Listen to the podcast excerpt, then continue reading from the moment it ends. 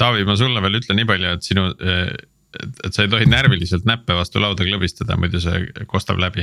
mitte, et sa okay. seda praegu tegid, aga lihtsalt mm tuleviku tarbeks. selge.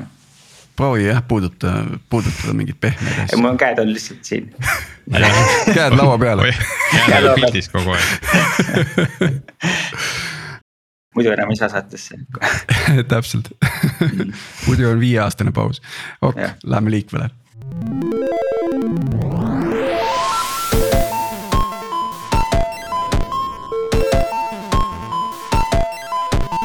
tere jälle Algorütmi kuulama, eetris on meie saja seitsmekümne teine episood, mina olen Tiit Paananen Veriffist ja minuga koos on lindistamas nagu ikka Priit Liivak Nortalist.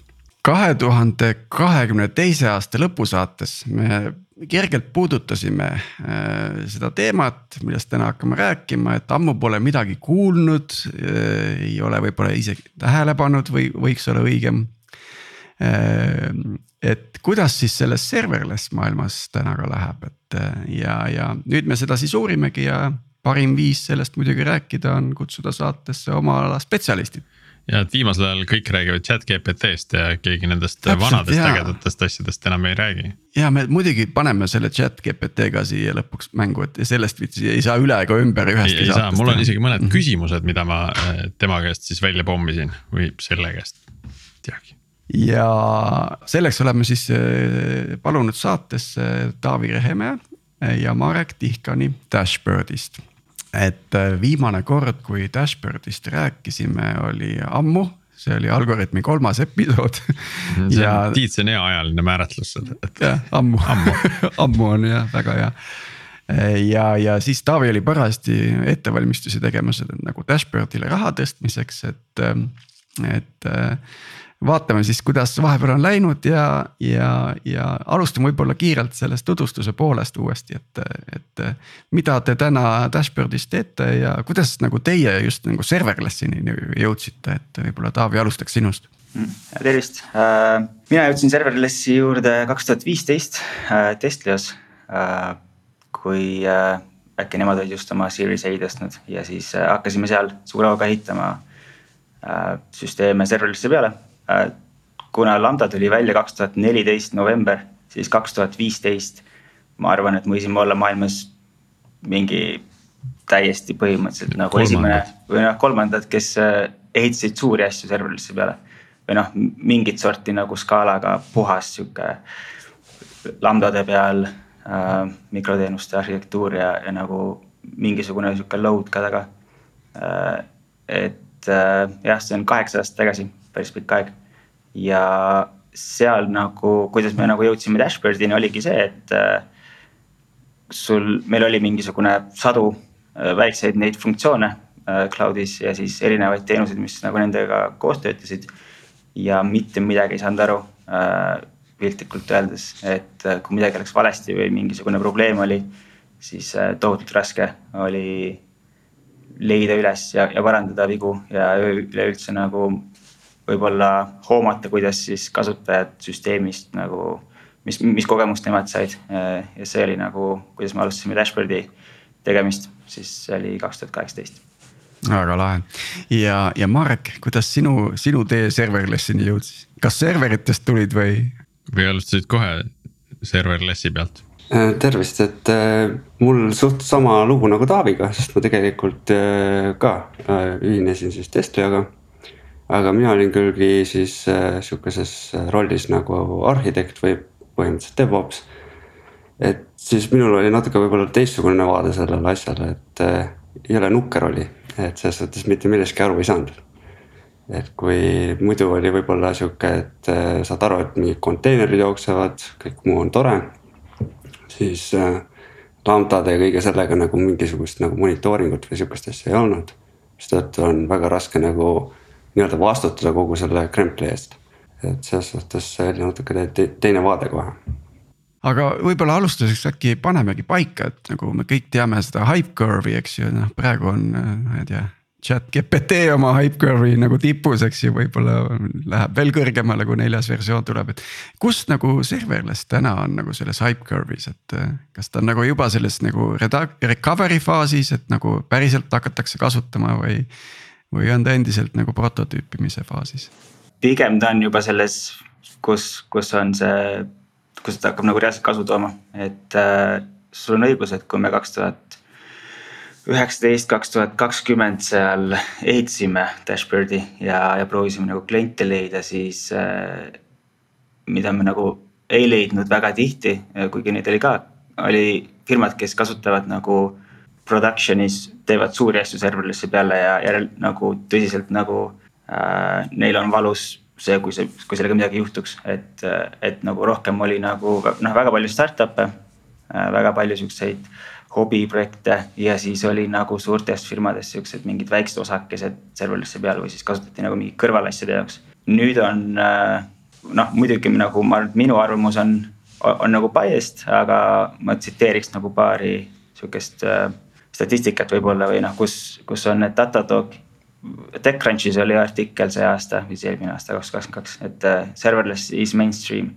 ja et seitsekümmend viis protsenti äh, klientidest, keda Datadog monitoorib, kes on AWS-is, kasutavad serverless'i uh, mingil kujul et see on nagu noh, selles mõttes on enterprise'ides juba, juba kohal.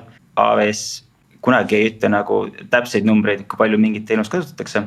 Aga nende nagu keynote oli, et äh, sajad tuhanded ettevõtted äh, kasutavad serverless'i nagu äh, või noh, rely ivad selle peale, ehitavad nagu korralikke asju, et noh, seal on üle kolme miljoni firma kasutab AWS-i hmm.. isegi kui nemad ütlevad oma keynote'il välja, et companies are relying on serverless.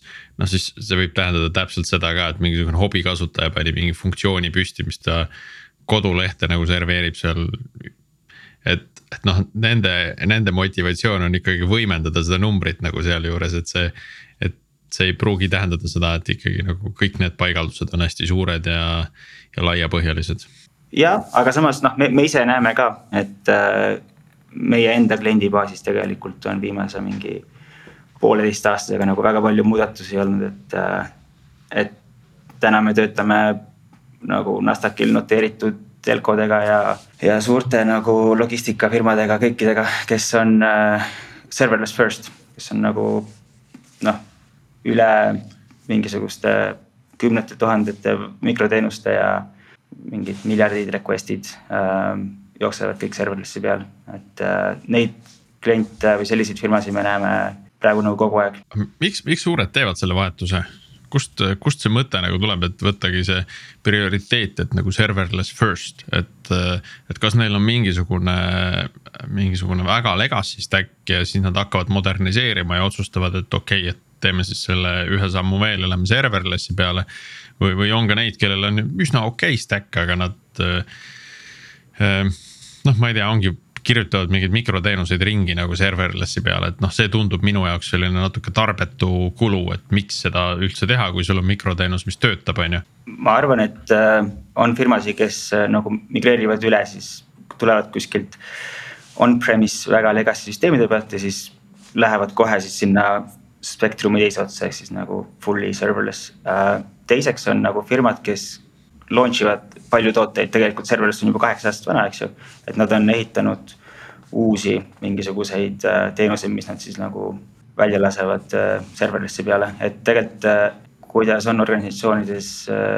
et sul on ikkagi mingid tiimid vastutavad erinevate teenuste eest ja siis seal on nagu see sõltumatus, et siis keegi tahab, siis tõesti ehitab serverless'i peale, et see ei pea olema nagu alati konteinerid. ja, ja sealt ta niimoodi vaikselt levib. vaatamegi korra nagu, et paremini aru saada, mis need stsenaariumid on, et, et kordaks üle selle, et, et milleks ta sobib ja milleks mitte, et. ma tahaks just seda vaata, milleks ta ei sobi, alustaks nagu yeah, sealt otsast yeah.. et, et no ma ei tea, et Marek, võib-olla sina oskad sellele vastata, et kui sa hakkad nüüd uus, uut süsteemi disainima. ja, ja tuleb, tuleb klient sinu juurde, mida ta peab küsima selleks, et sa ütleksid, et ma ei tea, kas serverless on see õige valik nagu selle jaoks? No ilmselt see suurim võit või nagu näiteks kulude poole pealt on ikkagi see, kui sul nagu on neid vabu hetki, eh, kus nagu mitte midagi ei tehta, mis tähendab seda, et sa ei pea selle eest maksma. see on nagu üks asi, et kui sul on nagu kakskümmend neli seitse kogu aeg on eh, saja prossa peal CPU, siis noh. ilmselt lambdadega väga palju nagu võitu ei tule sealt, aga aga teiselt poolt nagu ma ei näe ka põhjust, et miks ei võiks nagu teha serverless'i peale, et. Et isegi nagu, kuna me ise teeme ka hästi palju nagu mingit background job'e, siis meil jooksevad need samamoodi lambdade peale ja tegelikult äh, ma ei ütleks, et see kulu oleks mingi suurem või, või ta oleks halvem et siin võib-olla on ka. see halduskeerukus nagu ei ole oluliselt kõrgem nagu sellele, et noh mikroteenustest täna hoitakse äh, juba teatud juhtudel eemale selle tõttu, et noh, kogu see, kogu see haldamise, arendamise kulu on, on ikkagi suurem Äh, kui selle pakutavaid hüvesid vaja ei ole, et siis ei ole mõtet ka seda kulu sisse tuua. no ühtepidi jah, selles suhtes, et äh, kui sa tahad nagu monitoorida seda nii-öelda traditsioonilist või mingi konteineri asja, siis sa pead sinna juba järgmiseid teeke külge panema. samamoodi maksavad sulle, et, äh, et sa ei saa nagu midagi nagu päris tasuta, et teistpidi näiteks serverless annab sulle iga funktsiooni kohta ju meetrika mille kohta sa võid juba põhimõtteliselt öelda, et need on ka ärimeetrikad, et näiteks kui sul on mingisugune sign up lambda, siis sa tegelikult koheselt võid vaadata lihtsalt seda meetrikat, öelda palju on invocation eid või. või jooksutamisi on olnud ja siis sa ütled, et näed, nii palju täna tuli uusi kasutajaid mm. -hmm. see, see on huvitav, huvitav vaade, et, et kuidas see arhitektuur äh, suunab siis äh, nii-öelda mõnes mõttes paremate praktikate poole või et mingis mõttes nagu ka mikroteenused sundisid arendajaid äh, rohkem läbi mõtlema, mis on need äridomeeni või teenuse piirid, on ju, et, et kuhu ma need mikroteenuse jooned tõmban. et siis äh, äh, serverless pakub mingisuguse täiendava kihi võib-olla monitooringu jaoks, et natuke irooniline, et monitooringuga on nii palju probleeme, aga samas nagu mingi lisaväärtus sealt tuleb, on ju nii, aga, aga okei okay,, milleks, milleks ta siis sobib, ma ise mõtlen, et kõik siuksed, siuksed kasutusjuhud või stsenaariumid, kus on vaja nagu kiiret response'i, eks ju, et seal on ikkagi. ma ei tea, kas see lead time to action on nagu kuidagi ajapikku paranenud ka? Cold start on nagu paremaks yeah. läinud kindlasti see cold start on paremaks läinud, nüüd vist viimasel reinvent'il oli ka midagi Java, Java nii-öelda konteinerite äh, kohta, et kuidas need siis nagu natuke kiiremaks lähevad, aga kuna ma ise ei ole väga suur Java fänn, siis äh, ma ise ei kasuta seda, et ma oskan nagu pigem öelda Node'i kohta, et, äh, et siiani nagu väga suurt probleemi ei ole olnud. Ja kui väga kiireks tahta ajada, siis ilmselt Go on, on see kõige, kõige mõistlikum ja, ja ka kui väga tahta, siis on võimalik ka konteinerid jooksutada lantadena, et äh, aga noh, sellel on kindlasti see cold start päris suur. meie nagu näeme tegelikult, et see cold start'i probleem on päris ülepaisutatud, see on tegelikult jah, suures plaanis ainult Java, Javas on see hull või siis, kui sa nagu teed mingi väga nested request'e, kus siis on lambda API gateway, lambda API gateway ja siis lõpuks mingi andmebaas, mis võtab veel aega. kus üks Java funktsioon kutsub teist Java funktsiooni, mis ja. kutsub kolmandat ja siis see ahel läheb pikaks ja siis. ja kõik on külmad ka veel et nüüd on võimalus ka neid soojana hoida, ehk siis, siis ei ole nagu cold start'i. et tegelikult äh, sihukest ühte selget vastust, mida sellega ei saa teha või mille jaoks serverless ei sobi. nagu sellega saad ehitada kõik, kõiki asju äh, suurim nagu see benefit tegelikult on lihtsalt see, et sa saad kiiremini ehitada äh, serverless'i peale äh, kui siis nagu traditsioonilise infra peale, sellepärast et sa ei pea muretsema siis selle underlying infrastruktuuri pärast ja siis compute ressursside deploy mise peale ja manageerimise peale. ja teine pool sellest, et äh, üks nagu ma eile äh, guugeldasin, et state of serverless market mingi, mingit sihukest asja äh,. Probleem number üks on, et äh, me ei ole endiselt kokku leppinud, mis on serverless nagu, nagu kõikide inimestega võib-olla, et, et seal on nagu inimesed defineerivad seda erinevalt, et äh, üks pool nagu ütleb, et need on nagu lambdad ainult.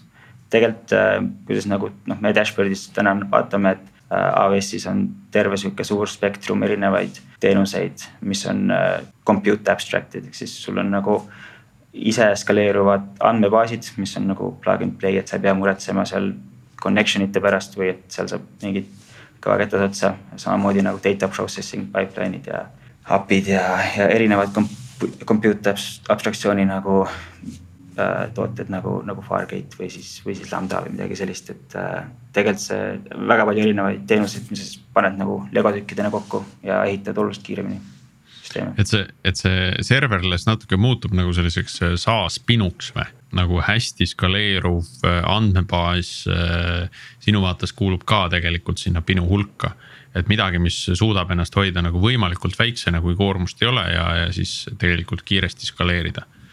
täpselt ja et andmebaasid nagu serverless'is on ka, et kui sa sinna midagi ei noh, tähendab näiteks DynamoDB äh, hinnastatakse read'ide ja write idega, siis kui palju sul seal nagu hetkel mingisuguseid andmeid on, see, see ei, nagu selle pealt sa ei maksa. kui sa paned sinna midagi sisse, siis selle request'i eest sa maksad ja ta scale ib ülesse ja alla vastavalt olukorrale, et ta on nagu pay as you go mudel ja. vot nüüd, nüüd kui sa selle, selle Dünamo nagu välja tõid, et eh, kuidas, kuidas see hinnastamine vahepeal nagu muutunud on, et, et noh, Dünamo on äärmiselt eh, hästi skaleeruv eh, suure jõudlusega eh, baas, mida sageli ei valita, sellepärast et selle, selle hind ikkagi lõppkokkuvõttes tuleb kallim kui, kui ma ei tea, mingisuguse Postgre baasi oma, mida siis noh, samamoodi võib lasta AWS-il nagu jooksutada, on ju. aga kuidas nagu selle serverless, ütleme lambda maailma hinnastamine vahepeal muutunud on ja, ja võib-olla vaataks natuke laiemalt, mitte ainult nagu AWS-i poolt. ja ma tahtsin ka just, et. AWS vist väga nagu oma hindu ei, ei muuda läbi aegade. ja, et tahaks teada ka seda, et kui, mis nagu Azure'i ja, ja Google Cloud platvormi. ja, te olete kindlasti paremini kursis Google Cloudiga nagu eriti ei ole kursis ausalt öeldes uh,. Azure'iga natuke oleme, AWS on kindlasti nagu turuliider uh,, üle seitsmekümne protsendi kogu nagu serverless'ist praegu maailmas on noh, kasutatakse AWS-i peal ja igatepidi kõige nagu mature imad API-d, teenused. ja hinnastuse koha pealt äh, nagu see core principle, mis kunagi oli, et äh, pay as you go äh,. see on nagu samaks jäänud vahet ei ole siis, mis tüüpi teenust sa kasutad, et, et proovitakse nii palju kui võimalik seda, seda pay as you go mudelit äh, hoida. võib-olla üks muudatus, mis toimus, oli see, et seal nende põhiregioonis äh, läks siis lambda hinnastamine millisekundi tasemele, et kui enne oli saja oh. millisekundi kaupa, siis nüüd on millisekundi kaupa. päris äge, jah see protsendiliselt võib päris palju mõjutada lõpuks. jah, et enne sa võib-olla tahtsid natukene nagu optimeerida selle peale ka, et, et noh, et kui ta nüüd saja millisekundi piirist nagu ületab, et siis nüüd kas paned natuke seda mälu juurde, et saaks ka CPU-d juurde, et äh, siis äh, jõuaks sinna äh, alla saja, et ta võib-olla odavam isegi niimoodi mind huvitab nüüd see, et maalime selliseid stsenaariume, et, et mul on nagu kood on GitHubis ja ma pean asja välja saama. ja mul oleks vaja mingit CI-d seal vahepeal teha ja kuidagi deploy da see asi kuhugile, siis need, ma ei tea, rääkige ise no kõige lihtsam ongi, et kui sa kasutad serverless framework'i, äh, siis äh, samamoodi saad GitHub Actions'it kasutada. ja siis põhimõtteliselt äh, deploy takse su kraam ära. võib-olla üks sihuke, mida me ise oleme nagu läbi, läbi aja tunda saanud, on see, et, et kõik nii-öelda andmebaasid ja kõik muu, mis, mis ei ole lambdad ja siis nii-öelda API gateway'd. et need tasuks nagu provisioneerida eraldi, näiteks mingi äh, eraldi cloud formation stack'iga või siis Terraformiga või mis iganes see tool on, mis, mida sa tahad kasutada. et ja siis põhimõtteliselt kõik juba jooksebki, et ega seal midagi keerulisemat ei olegi kas on tulnud nagu mingisugused mingid tooling ud nagu selle deployment'i nagu osas just, et noh, ma ei tea siin. kes ehitab Kubernetese peale mingit oma asja ja nii edasi, eks ju, et aga mis on serverless'i maailma selline de facto standard nagu sellise deploy, deployment'i monitooring uks ja, ja, ja nagu. või, või teeb see serverless framework kõik selle otsa ära? no framework põhimõtteliselt jah, paketeerib sul selle ilusti koodi kokku ja paneb selle ilusti ülesse ja ta tegelikult kasutab ka siis CloudFormation'it või ta genereerib selle CloudFormation template'i. mis siis kõik need funktsioonid ja API gateway'd äh, kenasti, kenasti paika panevad sinna. Äh, seal on muidugi AWS-i enda poolt on siis, äh, oli vist SAM, mis on ka üks, üks võimalus, kuidas ise defineerida neid funktsioone. võib-olla seal peab natuke rohkem tööd tegema, siis neil on veel cloud development kit, kui ma ei eksi ja, ja siis on veel mingisuguseid äh, eraldi tööriistu nagu vist oli Bloomi ja midagi äkki veel. aga, aga endiselt äh, serverless framework on kõige parem, sest ma mäletan kolm aastat tagasi oli see täpselt see soovitus, et äh, kui alustate või kui plaan sukelduda sisse, et siis võtke serverless framework, see on hetkel kõige parem ja küpsem asi, millega, millega teha. ma arvan, et see on lihtsalt kõige lihtsam, et seal on lihtsalt YAML-i seadistus ja kogu moos et seal ei ole väga palju midagi vaja kirjutada, et need teised tihtipeale on pigem nagu, et sa peaks ikka koodi kirjutama, et genereerida midagi. ja siis see SAM on CloudFormationi põhine, mis on natukene sihuke nii-öelda, et rohkem kirjutamisvaeva. nii ja kuidas nüüd kogu sellele äh, pullile külge saab äh, dashboard, et logid dashboard'i konsooli sisse, annad äh, AWS-i ligipääsu ja, ja hops, andmed hakkavad voolama. täpselt nii, jah, meie siis, äh, meie deployment, kuidas sa siis install'id dashboard'i, et see on üks sihuke klikid nagu next või go to AWS, meie konsoolist hüppab sinna sinu AWS-i. Deploy ib sinna ühe CloudFormation template'i, kus on siis äh, õigused äh, dashboard'i AWS-i kontol äh, kasutada siis sinu AWS-i API-si ja siis äh,, ja siis äh, me avastame või siis nagu discover ime terve su infrastruktuuri vot mina vaatasin, mina vaatasin seda videot hommikul ja siis natuke ajas hirmu nahka see, et, et te siis avastate kogu mu infrastruktuuri, tõmbate kõik logid, kõik, kõik asjad natuke tulid nagu judinad peale, et oot, ma ei tea, kas ja. ma tahan nagu, et veidi selline noh, et keegi paneb nagu käe minu taskusse või särgi alla, et äh, enne võiks no, küsida. üks, ütleme, et püksi ikkagi konkreetselt nojah, et, et, et, et, et võib-olla, et kõigepealt tahaks nagu lasta dashboard'i nagu ainult natukese andmete ligi ja vaataks, mis sealt välja tuleb ja siis siis vaatame, kuhu, kuhu see date edasi läheb. mul oligi spetsiifiline küsimus sellega seoses, et kas nagu sa annad oma mingisuguse admin kasutaja õigused ja siis te teete oma kasutaja sinna, mis, millel on mingisugune policy küljes või te lasete selle admin'i peale edasi? Marek, kas sa saad selle vastata? et äh, asi on natuke lihtsam, et äh, kuna meie ei saa teie AWS-i kontole ligi niisama. et selles suhtes esimene stack ongi, mis teeb selle põhirolli valmis, mida me saame pärast hiljem kasutada. ja seal on põhimõtteliselt ainult äh, read-only õigused ja siis ainuke, mis me peame tegemist on see, et me saaksime logidele subscribe ida, siis et need hakkaksid meieni jõudma. et eh, muid nii-öelda siis write või, või kirjutamise õigusi meil rohkem ei olegi vaja. Mm, nii et see skoop määratakse nagu alguses esimese nagu nagu integreerimisel ära selle konkreetse kasutaja jaoks, mida siis kasutatakse ja tema policy nagu määrab selle. just, et mm -hmm. kui soovi on, saab alati ka te saate ise muuta seda, et kui midagi ei meeldi, saate välja kookida need osad ja lihtsalt peate arvestama sellega, et võib-olla mingi osa dashboard'ist siis ei tööta. okei okay., no äh, ma ei tea, ma ütleks, mulle endale meeldiks natuke nagu teisipidi rohkem, et see on selline nagu äh, selline opt-in lähenemine meeldiks võib-olla rohkem kui see opt-out, et noh, kõigepealt on kõik ja siis ma saan nagu välja võtta. Äh, aga, aga samas ma arvan, et kui ma olen klient, kes on ennast dashboard'i sisse ostnud juba ja, ja ma olen valmis seda kasutama, noh siis ma ei tahagi nagu jupikaupa opt-in ida, et ma tahangi nagu, siis ma võtangi kõik täiega, on ju, ja, ja kasutan juba. et see on võib-olla selline, selline prooviperiood, kus ma tahaks nagu natukene äh, kombata, et millega tegu on mm. -hmm. nüüd dashboard tuleb kokku teie, teie kasutuse, eks ju, et serverlessi kasutuse, et mis on, teie näete andmetest kindlasti, mis on need peamised vead, mida, mida kliendid teevad, et. et kus see asi nagu neil lappama läheb, et kas nad kasutavad seda valesti või nad kuidagi, ma ei tea, dimensioneerivad või, või kuidagi. Tiit, sa mõtled siis, et just, et lambdasid kasutavad valesti. ja just serverlessi nagu ja. framework'i, noh andmetest on kohe näha, eks ju no ilmselt üks kõige sihuke tüüpilisemaid probleeme, mis võib tekkida, on see, et äh, vana hea mingi MySQL või Postgre võetakse kasutusele.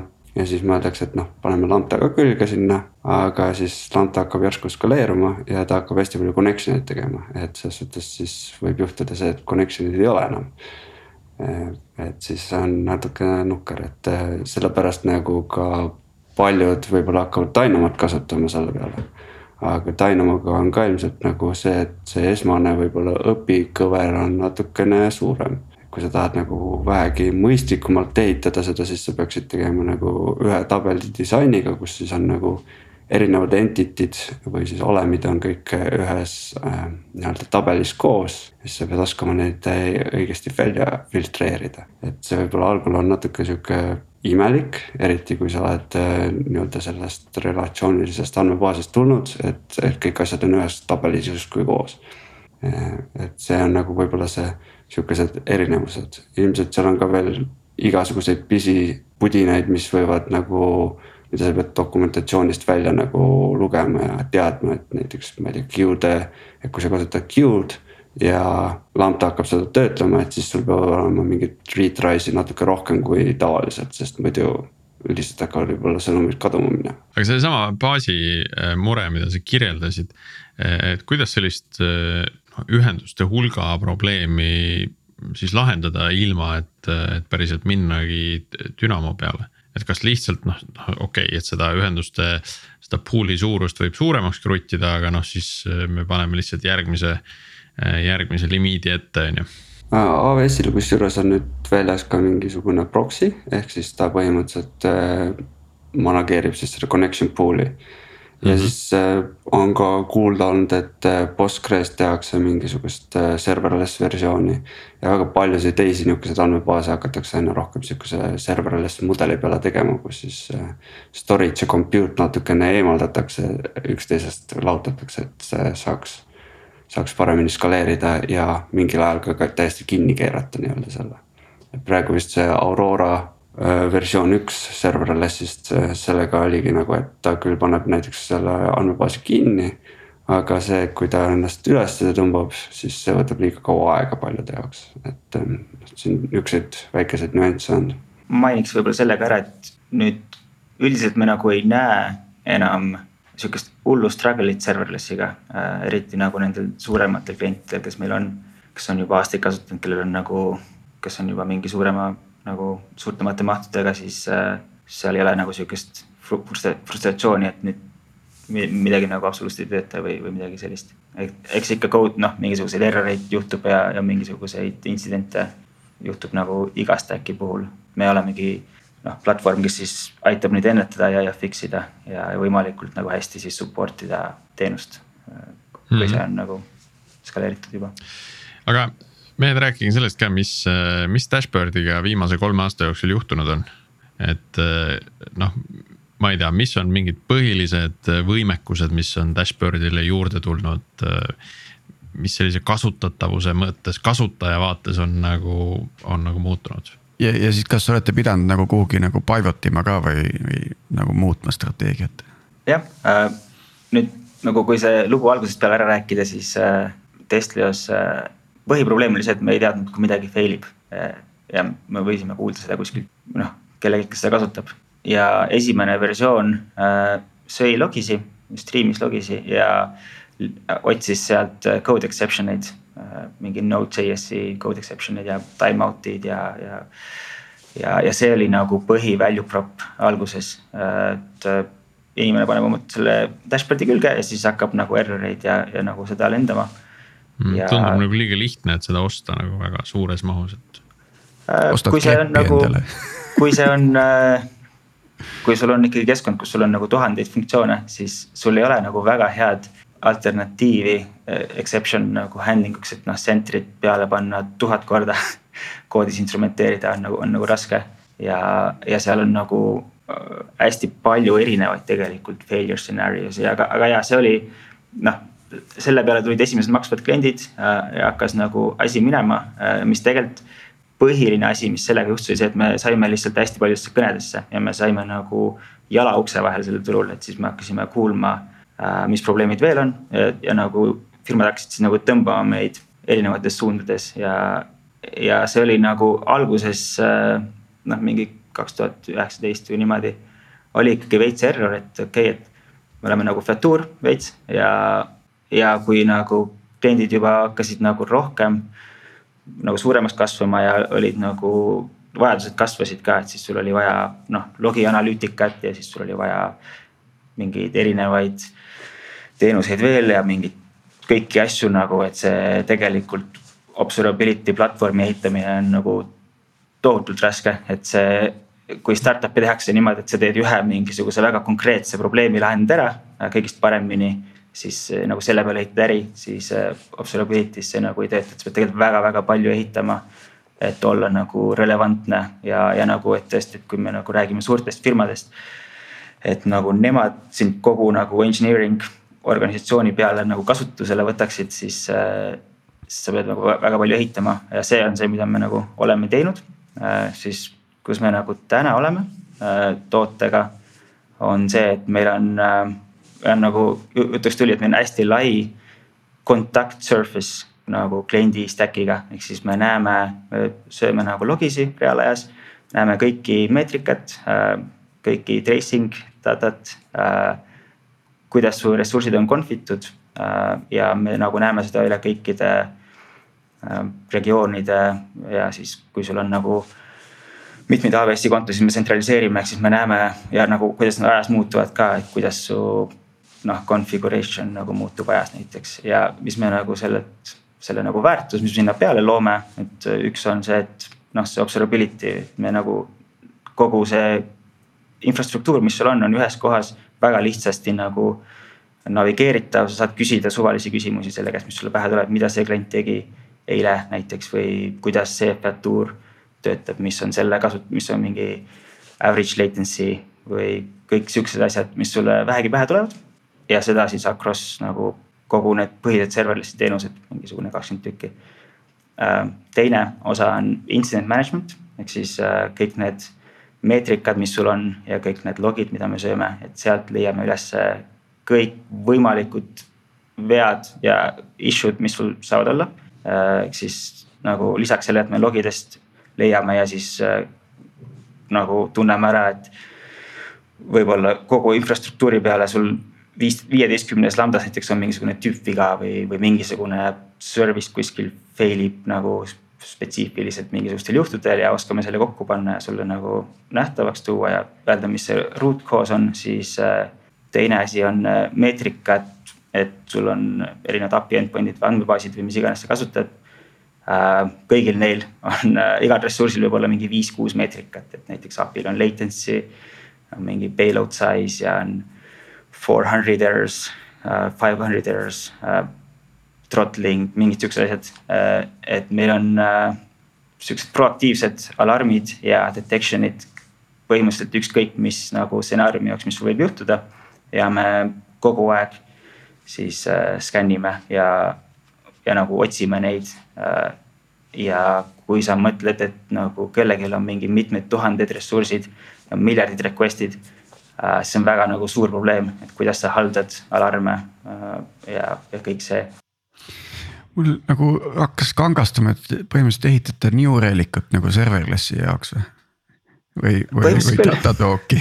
pigem Datadogi, New Relicust yeah. ei ole nagu väga kuulnud enam. me konkureerime Datadogiga, meil on jah, noh, kui nagu rääkida konkurentsist, siis jah, Datadog on põhiline aga mis see, mis see teie pakkumine on, kui te lähete nüüd kliendi juurde ja klient ütleb, et aga mul on juba Datadog. et äh, mis teid paremaks teeb?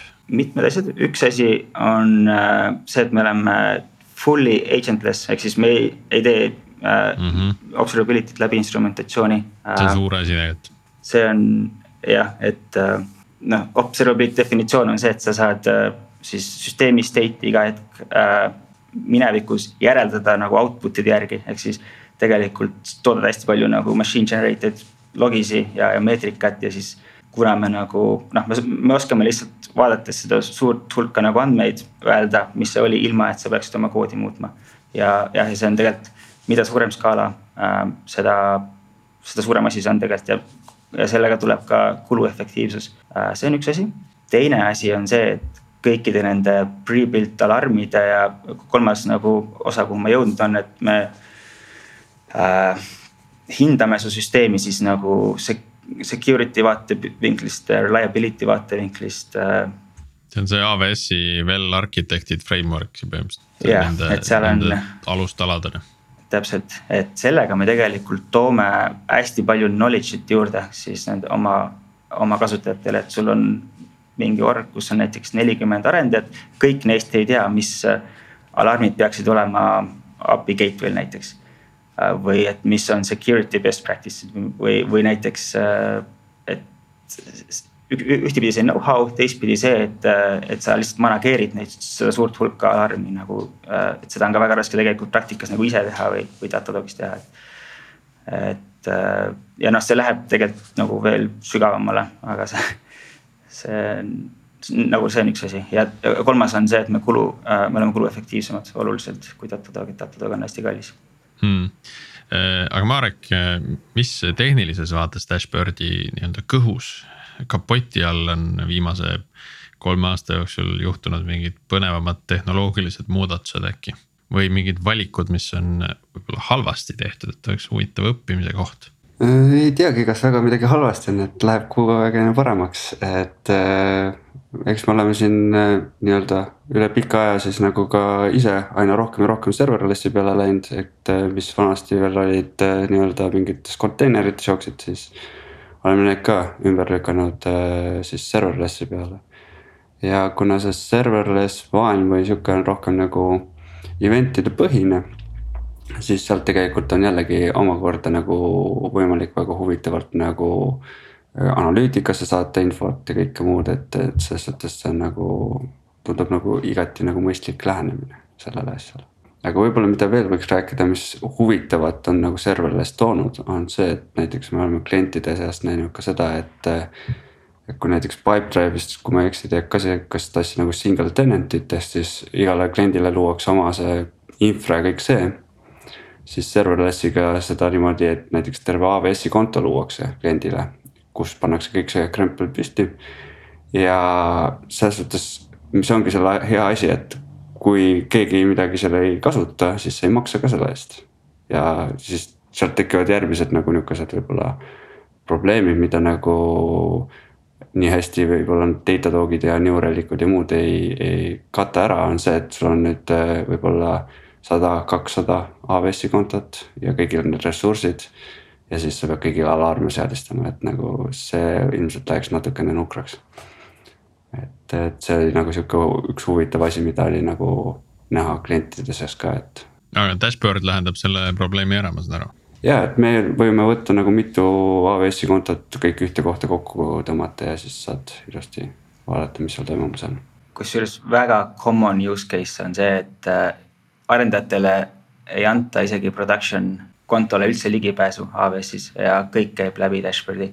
noh, ma sain eelmine laupäev kell kuus hommikul kõne Singapuri ühest äh, firmast, kes on meie kasutaja, et äh, me millegipärast suspend isime ära, nad, meil oli vist mingi endal mingi vale limiit pandud, ühesõnaga nad said suspend'i hommikul ja, ja nad olid täiesti completely pimeduses täiesti pimeduses aga nüüd meie, meie lemmikteema juurde, et kuidas serverless ja masinõpe suhestuvad, kui üldse?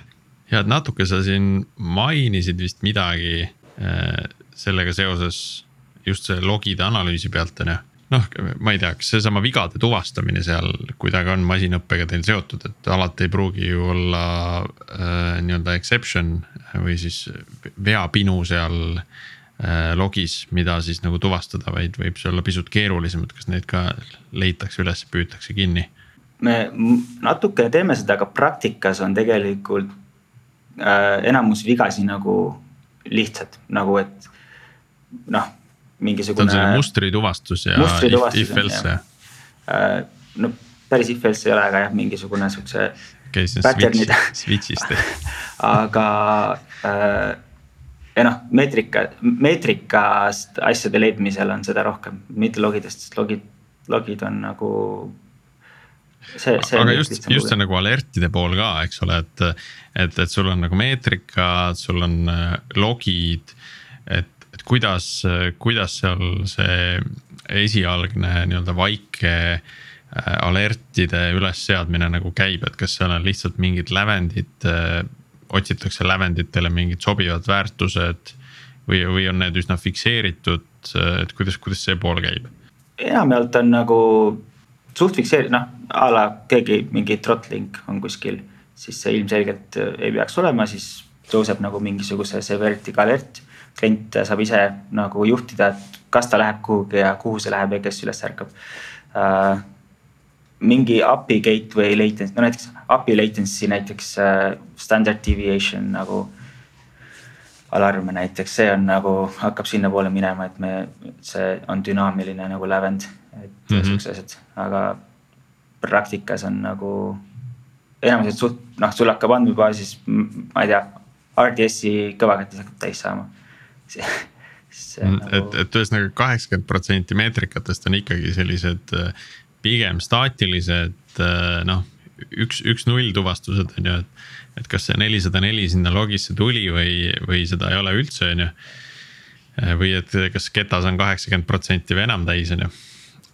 ja, siis on mingi väike osa selliseid natukene dünaamilisi meetrikaid sinna peale.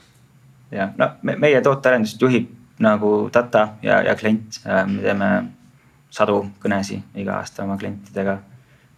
Et keegi ei ole nagu väga mingit sihukest äh, selget nagu, et mul on vaja, et mingisugust machine learning mm -hmm. detection'it kuskile, et see. aga see võibki olla see featuur, mida neil vaja ei ole, nad ei teagi, et neil vaja on.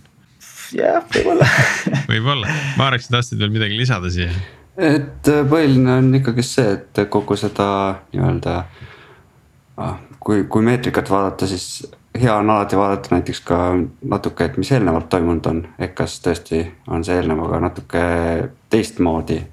et, et selles suhtes, et ja ka seda, et kas see asi nagu juht, on ühekordne juhtum või ta on nagu selles suhtes niimoodi, et ta jätkuvalt kasvab või midagi sihukest mm. -hmm. et selles suhtes, et jah, mõned on pigem nihukesed, kus me nagu teeme natukene vaatame kaugemasse minevikku ja, ja mõtleme, mis siin nüüd äh, olukord on mm. -hmm. aga nüüd, kui sellest masinõppest ja ai-st me siin juba räägime, et äh, kas tuleb ka liidestus chat GPT-ga, et saaks nagu näiteks inimkeeli küsida midagi tema käest või.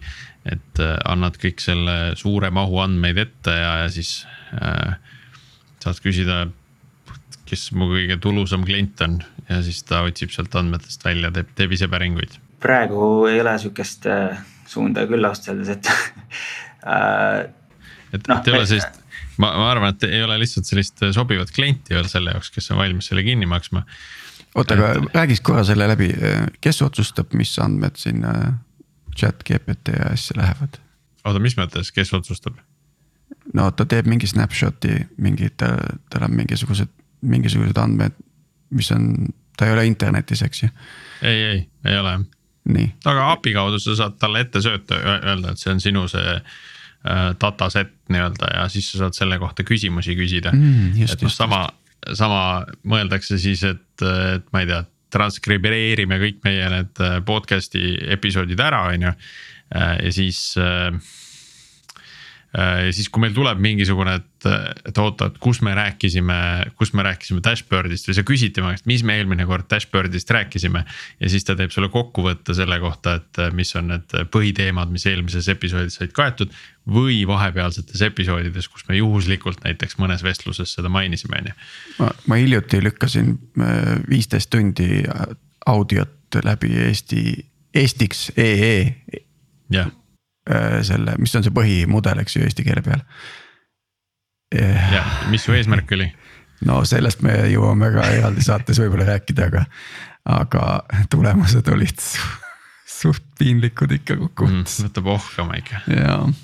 Tegelikult, kuhu nagu üks huvitav suund, mis ma tegelikult arvasin, mis sa küsisid, et, et ai, äh, et sa küsid ta käest inimkeeli, et mis juhtus eile ja mitte ta ei nagu käi su seda andme, andmebaasi läbi äh,, vaid ta teeb mingisuguse SQL query äh, siis nagu sellest ja siis mm -hmm. dashboard kasutab seda. et, et see on nagu huvitav suund küll äh,. Aga tegelikult, mis noh, drive ib praegu meid on see, et ja üleüldse Google'i SRE handbook'is oli kirjas et, et seitsekümmend protsenti kõikidest use case dest monitooring tööriistadel algab alertist ja tegelikult kõige suurem väärtus, mis me nagu kus me kogu aeg paremaks nagu lähme, on see, et uh, mean time to discovery ja mean time to resolution, et selle nagu mm -hmm. allaviimine, et kui sul on uh, sihuke. Kui sa oled juba firma, kes sõltub ja sul on mingi miljonid kasutajaid, siis kõige valusam asi on downtime, et tegelikult see exploration use case uh,. see on oluline, see, see teeb arendajad efektiivsemaks ja uh, seda me teeme suht hästi juba ka, et seal ei ole sihukest nagu tohutut auku nagu praegu no see on ikkagi nagu kirss tordil natuke, et see alertid on nagu see põhi, põhisisu seal. kui palju te näete seda, et, et nüüd noh, just sinna alertide poole. et seda, seda issue äh, triaaži tehakse nagu võib-olla valesti või ei tehta nagu piisava hoolega, et noh, et ongi nagu konto, kus on äh,. ma ei tea, paar tuhat mingisugust probleemi listitud äh, paar tuhat alerti üleval, on ju, aga noh, keegi pole nendega nagu tegelenud või et. Et neid tuleb liiga palju näiteks noh, et mulle tundub, et see on nagu sageli probleem, kuhu minnakse, et. et pannakse terve hunnik alerte peale ja siis tegelikult nendega ei jõuta tegeleda. ja siis nad jäävad sinna ripakile justkui nagu tehniline võlg, on ju. kuhu poole me nagu, no mis see meie soovitus on, et, et mõelge välja mingid KPI-d ja SLA-d oma süsteemile ja pange nagu need top level alert'id nagu tehke ise. Et kui sul on, ma ei tea, error protsent mingisugusel API request idel üle selle, siis, siis peaks vaatama, et see põhimõtteliselt, et kuidas siis kasut-, et kui kasutaja poolt nagu monitoorid seda kogemust et see on nagu üks sihuke, mis peab sind kindlasti nagu öösel üles ajama, kui sul on nagu sihuke mm -hmm. asi. siis. Need põhi, põhiasjad peab nagu paika saama, on ju. jah, et alusta nagu KPI SLA Äh, nagu service level monitooring ust, äh, siis nagu jah, teine äh, samm ongi see, et, et jah, nagu sa ütlesid, mingeid tuhandeid exception eid lendab, eks ju äh,. listis, et seal, mida me teeme, on see, et me proovime aru saada, mis on kõige olulisemad ja mida juhtub kõige rohkem. ja, või on näiteks sihuke, et mingi tüüpviga üle mingi suure infrastruktuuri, et sajas erinevas mm -hmm. kohas juhtub mingit spetsiifilist asja, et nagu Äh, prioriteeti siis nagu seada läbi selle. Kas, kas nagu seda ei ole tulnud, et, et klient tuleb ja ütleb, et noh, et teie äh, teie süsteem annab, näitab mulle liiga palju alerte, et ma nüüd tahan nagu ära kolida selle pealt, et. et noh, mina olen nagu seda näinud äh, klientide juures, et, et justkui alerting on üles seatud, aga see on väga jutukas. sellega ei jõuta tegeleda ja siis nende lahendus on see, et kuulge, aga vahetame selle monitooringu välja. noh, et ei, et äkki teeks nagu kodu korda kõigepealt ja siis hakkaks mõtlema, on ju, et. Et kas teile ei ole selle jutuga tuldud, et liiga palju on alerte, et jube halb süsteem on? jah, see oli paar aastat tagasi üks põhilisi probleeme. ja me oleme väga palju asju teinud seda parandada, seal on nagu äh, suur osa on sellest, noh, me püüame need kõik ikkagi kinni, aga anname kliendile hästi palju võimu äh, otsustada, mis alert kuhu läheb äh,. et äh, esiteks, et äh, noh, näiteks, et sul on mingid teatud teenused, mille eest vastutab mingi teatud tiim. siis nagu esiteks nagu route'id seal, et okei okay,, et mingi paar mikroteenust report ivad sellele tiimile. teine on siis see, et äh, mis äh, criticality'ga event'id sinna jõuavad ja kui tihti ja, ja siis kõik siuksed asjad, et äh, seal on ükspidi on just see nagu routing ja see conf, et millest saab alarm äh,. Ja, ja teiseks on jah, see grupeerimine, anda nagu viis, kuidas äh, noh, et kui sul ongi tuhandeid nagu alarme, et siis kuidas sa seal nagu normaalselt navigeerid ja otsid ja vaatad ja noh. see on nagu, aga see jah, see on suur probleem tegelikult no nii, nüüd on võib-olla siia õige hetk küsida, et, et mis on need asjad, millest me ei ole rääkinud, aga peaksime rääkima? jah, ma arvan, et ma kuulasin tegelikult hommikul seda observability eelmist saadet, paar saadet tagasi, et ma arvan, mis mulle nagu jäi kõrva tegelikult või mis ma ise hakkasin mõtlema, et noh, Kubernetese ja siis klassikalise nagu infra observability on alati olnud nagu hästi nagu infrastruktuuri monitoorimine ja, ja siis, mis me nagu näeme praegu, kuhu see liigub, tegelikult on äh, rohkem nagu äri poole, et sul. sa nagu monitoorid äh, kogemust ja sa moni-, näiteks. noh, mingi hetk hakkasid meie nagu kliendi kõned nägema välja sellised, et seal nagu support agendid on seal kõnes, sest nad kasutavad dashboard'i, et mingisugust kliendi probleeme lahendada ja siis.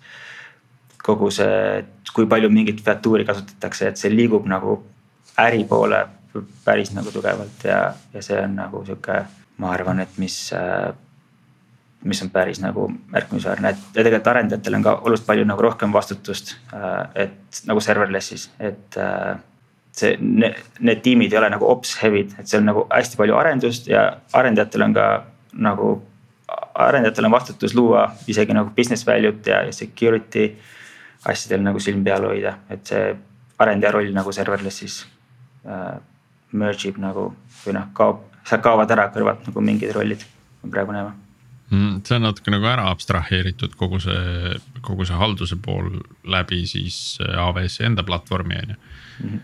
Jah, sihuke tugev nagu shift left, et, et kõik, mis on nagu kõik, mis saab nagu kantakse siis cloud provider'ile üle no väga tore, äh, vaatasime siis äh, serverlessi, nüüd on jälle timestamp on saatel küljes ja jälle mõne aja pärast tagasi tulla, eks ju.